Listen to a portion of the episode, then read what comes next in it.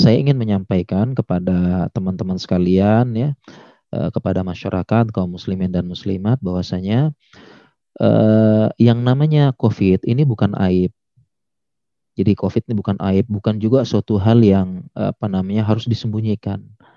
Ya, apabila kita mendapati gejala-gejala COVID, terlebih mendapatkan berita kita pernah terpapar, maksudnya pernah berinteraksi, pernah satu ruangan, pernah dekat dengan yang uh, terkonfirmasi positif, ya, kemudian muncul gejala ini, maka segera periksakan, ya, segera periksakan, ya, paling minimal dengan swab antigen, ya, insya Allah tidak terlalu mahal dan hasilnya cepat.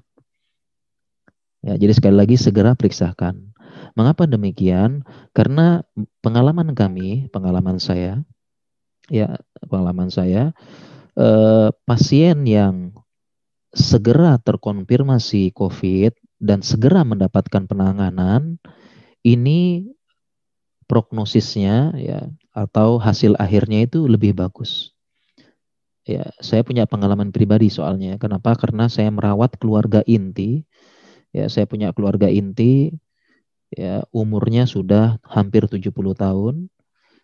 Ya, kemudian punya komorbid asma, begitu positif langsung kita tanganin. Langsung ditangani segera, ketika muncul gejala segera dikonter bahasanya, segera ditangani. Ya, muncul gejala sesak langsung ditangani, muncul gejala sakit-sakit uh, otot langsung ditangani. Ya, muncul gejala uh, seperti demam langsung ditangani. Jadi jangan tunggu parah dulu. Nah, dan pengalaman kita lagi termasuk pengalaman saya pribadi ya eh, biasanya yang gawat adalah yang terlambat ditangani. Jadi sekali lagi yang biasa yang gawat-gawat ini yang atau bahkan korban yang meninggal dunia yang terlambat ditangani dengan berbagai macam alasan. Pertama, eh, takut didiagnosis COVID. Yang kedua mungkin bisa jadi terpengaruh dengan berita-berita yang tidak benar kalau ke rumah sakit nanti di covid kan uh, dan sebagainya. Ya kemudian yang ketiga takut ya, takut uh, menerima hasil, takut menerima kenyataan. Ya nanti kalau saya covid gimana gitu ya. Nah justru ini yang kurang bagus.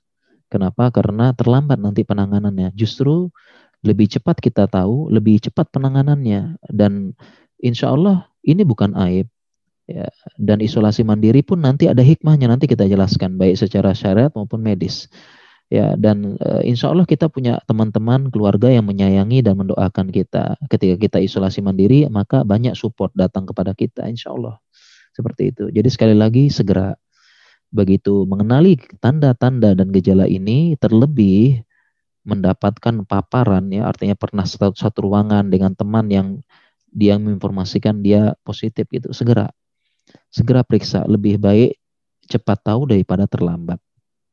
Ya. Ini sebagaimana teman ya sering kita jumpai ya orang yang tidak mau ditensi. Kenapa nggak mau ditensi? Saya takut nanti hasilnya tinggi. Nah, justru ini kurang bagus ya. Ya dia takut ya. Nanti saya kepikiran kalau tensi saya tinggi. Nah, justru lebih lebih apa lebih bahaya yang nggak diperiksa tinggi begitu nggak diobatin nggak apa. Jadi demikian. Nah, ini perlu kita ketahui gejala-gejala COVID gitu ya. Bisa jadi tanpa gejala ya dan saturasi yang paling bagus memang 95 ke atas. Ini yang bagus ya. Dan ada gejala-gejala ringan ya ini paling sering ya seperti ini ya, pilek, demam ya dan yang paling khas ya ini ya anoreksia. Ini yang paling khas. Ya. Eh mohon maaf ya, anosmia. Anosmia ini yang paling khas dan hampir semua saya jumpai mereka anosmia. Dan tentu ini berbeda dengan flu biasa. Ya. Kalau flu biasa itu masih bisa mencium, ini anosmia, benar-benar hilang. Ya, sebagian lagi mengatakan e, baunya mie goreng nggak kerasa. Baunya mie goreng. Sebagian lagi mengatakan baunya kamar mandi nggak kerasa. Makanya ada pasien yang pernah bilang ke saya, dok, alhamdulillah terasa nikmat bau kamar mandi gitu ya. Akhirnya bisa nyium lagi bau kamar mandi ya, terasa nikmat gitu. Dan yang lain-lain ya, seperti itu.